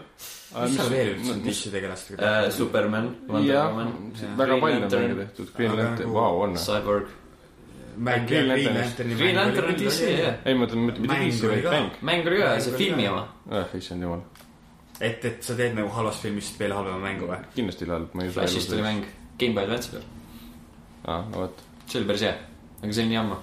No vot, see ongi plaan ilmselt tuua midagi uude generatsiooni ja ma arvan, et see vastab tõele, mis nad kunagi rääkisid, et või noh, lekkis, et Supermani mäng tuleb, et noh Eh. kuna, mida Warner Brothers teeb filmi vallas, tuleb Superman versus Batman, Batmani me oleme nagu ära rakendanud juba, ära jooksutanud, nüüd toome Supermani. lõpuks teeme Superman versus Batmani mängu ja kõik on hästi õnnelikud. või siis mitte keegi ei ole. jah, kõik on hästi õnnelikud, täpselt nagu praegu kõik need inimesed, kes ootavad PC versiooni Batmanit. siiamaani ootavad. jah, Vau. ja siiamaani on õnnelikud. see on nat-, natukene irooniline, et me tegeleme, no nad räägivad, et me räägime tulevikust, et tahame veel edasi teha, et meil on suured plaanid. sellest nad rääkisidki, Batman'i seeria ei ole lõppenud, sellepärast et PC Batman ole välja ikka tulemata. veel, täpselt. äkki lõpetaks ära, mis teil on pooleli enne, nagu thing räägite. nagu, see oligi kogu uudis. neetud. Nüüd te alles saite aru, mis te tegelikult tahtsid öelda. jah, puurisime läbi sellest. ja selle on nagu inimesed ära unustanud tegelikult vaikselt juba, et keegi ei räägi sellest, et see pole ikka veel sest kõik müügil. uued mängud on vahepeal peale tulnud jah nagu,. täpselt. see september ega oktoober ei ole enam siuke aeg, kus sa tahaksid Batman'i mängida, sellepärast et on nagu Mad Maxid ja Metal Gearid ja, ja. ja nüüd hakkab nüüd järjest tulema, ärge unustage Fifad ja. Fifad ja NBA-d ja kõik siuksed asjad, noh. aga üks uudis on meil veel. Ragnar. Ütleme nii, et see on minu jaoks väga võõras mäng, aga selline seeria nagu Siberia. oota, miks see siis uudis on, kas on isegi sinu jaoks võõras mäng? sest Sten teadis sellest teadsin,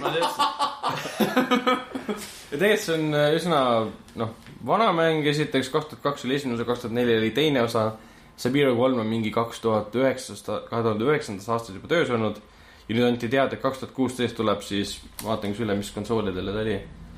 aga tuleb äh, arvutile Atarile. äh, Mac, PC Playstation neli, Xbox One kaks tuhat mis kuusteist. see kuradi üks pihukonsool Gizmodo või? võib-olla. Androidile. ei, ei, seda ma ei mõtle. Siberia seeriat ja mina sellepärast, et äh, oli aeg, kui äh, mina olin hästi Noor. tulihingeline Maci kasutaja Ah. ja oli, noh, tähendab siiani on Ja muid mänge lihtsalt ei platvorm olnud. on siuke, kus ei ole mänge peal ja siis Siberia oli üks nendest, mis oli no Maci peal. siis sul veab, et noh, enam ei ole Maci peal seda. mujale ei. kolmas osa tuleb ka äkki. tuleb Macile ka või? aga miks sa peaksid Maci peal mängima seda, kui ta tuleb teistele platvormidele ka sest sul on äkki ainult Mac. no.? täpselt. et sa saad kõikidest Mäletad, mängudest miks ta peaks. Mac olema? mäletad seda nalja, et kuidas mängida Maci peal mänge? ja seda pilti, kus sa panid hiirepi sinna peale. jah, aga minu ainuke seos Siberiaga on see, et ma kunagi lugesin hästi palju arvutimaailma mänguajakirja, mis mänguajakirja, tehnikaajakirja, kus ühel hetkel ma mäletan, kadusid ära äh, mä- mänguarvustused. aga enne kui see oli, siis ma mäletan, et Siberias kirjutati seal, tundus hästi huvitav ja mingi, mingi mammut oli seal ja mingi talv ja üks äh, ilus tütarlaps pruunide juustega. okei okay., selline lumine. peategelane. tema nimi oli Siberia. tema, tema oligi koha Siberia. nimi, universum on äh, Siberia ja see on selline lund täis aurupunk. et ta ei ole selline nagu reaalsusega midagi, et see oli hea aset Siberis. Jääme nagu ja selle selles universumis Marsil ei ole vett. jah, veel, nad ei ole sinna jõudnud veel. Nad ei ole veel avastanud, kuna neil on enda, enda liiga palju lund. Nad ei tea, et Marss Nad olemas. loobivad lumepalle Marri poole, et äkki saavad vett. jah, jah, kõik. see oli nii hea nali, et äh, lõpetame sellega. lõpetame selle uudise, uudistega nüüd ära. enne veel, kui äh, podcast'ile joone alla tõmbame, tuletame meelde, et äh, Ragnar kirjutas sellise huvitava artikli. kas The Witcher kolm lugu oleks parem, kui mäng poleks nii suur? ning äh, millele paras- siiamaani vastust ei tea. Äh, me siiamaani vastust ei tea, aga kommivae sektsioon ehk Kuldar jättis Facebookis sellise sõnumi sinna alla. täiega awesome oleks, kui neid toredaid kolle rohkem veel oleks mängus, nagu et oleks seda nii-öelda avastamisrõõmu. see nagu peamine motivaator, miks tavaliselt ise mängin. a la vaimustus, oh, see on küll tore elukas. Muidugi tähtis on ka siis, et nende käitumistaktika oleks erinev. mäng ei saa olla suur, kui selle keskkond on mega ilus. ehk siis landscape disainerid on küll oma töö tegelikult päris edukalt Witcheris lahendanud. Ragnar, kuidas kommenteerid sina kui artikli autor? Um, ma olen selle koha pealt temaga nõus, et avastamisrõõmu selle võrra rohkem, et mida rohkem on kolle. aga noh, Witcher kolme puhul ei ole see kollide paljusus ega e- mitmekesisus see ainuke põhjus, miks ta avastus, avastamisrõõmu pakub. Teiseks tekib küsimus, et mäng ei saa olla suur, kui selle keskkond on mega ilus. miks ta ei saa olla suur, kui keskkond on mega ilus? ehk siis võib-olla ta ei tundu sulle nii suur, kui ta on sihuke detailne ja huvitav ja ma arvan, et seal tuleb vist pigem see hardware'i probleem vastu. et kui maailm on suur, siis järelikult tuleb millegiga kompenseerida seda suurust. aa, okei okay,, seda on siis mõeldud. Ka nõus, jah, Witcher kolme puhul nad on, nad on piiranud maailma suurust, sest ta ei ole nüüd kõige suurem, aga samas nad on suutnud selle nii-öelda hävitada ära selle, et seal ei ole ühtegi sihukest tühja kohta, mingit halvasti disain- disainitud kohta, mingi unustatud ära, nagu sa ütlesid, Mad Maxis oli, et tegid mingi joon kuskile taustale ja seal on halvem graafika, et ei see on oli? teise asjaga seotud, see on see, kui ma vaatan kaarti. aa, jah, see oli ka ja see on lihtsalt see, et inimesed ei mõtle, et keegi mängib sihukeste monitoridega nagu minul on ja mis monitor sinul on äh,. ultrawide. mm? -hmm. kas seda saab poest ka osta või? ei, ma ise tegin seda. ei, ma mõtlesin nagu leti äärest, kui hakkan ei, poest välja minema. sa, sa pead minema Võrru, seal üks äh, vanamees teab ühte vanameest, kes ise teeb neid kodus aa,. Viljandis ka oli? ei, Võrus. Võrus, okei okay.. müüb oma Žiguli pagassist neid. kas neid saab purk, purk maasikamuusi tuleb kaasa ehk tavaliselt. siis ultrawide ja toodab Turex. ei, Võrust vanamees Kas ma- maasikamuusiga kas. ma võin seal kinni panna või? jaa, tundub nagu väga seoseta. ega Kulderile vastuseks ähm, motivaatorid on seal teisigi, aga ma saan aru, miks see võib olla kõige lahedam tema jaoks. ja landscape disainerid, noh, game disainerid on tõesti väga suure ära töö teinud mm. -hmm. kuigi seal, kui sa hakkad käima teatud kohtades, sa hakkad nägema sarnaseid kohti, et nagu copy paste on mõeldud lihtsalt, et Veleni piirkonnas on näiteks äh, kõrtsid, kus on kõik seinad ja ühesugused. nüüd, ja nüüd nüüd lõpetame järg, järgmised pool tundi räägime Witcher kolmest. Witcher kolme Veleni kõrtside sarnastest detailidest. järgmise, järgmise podcast'i teema. Veleni kõrtside detailid. jäägem kuuldele. kui teil on kommentaare, küsimusi, siis äh, jätke need meile Facebooki teemade alla või saatke email podcast at level1.ee. kohtume teiega juba järgmisel nädalal, tšau. tšau, tšau..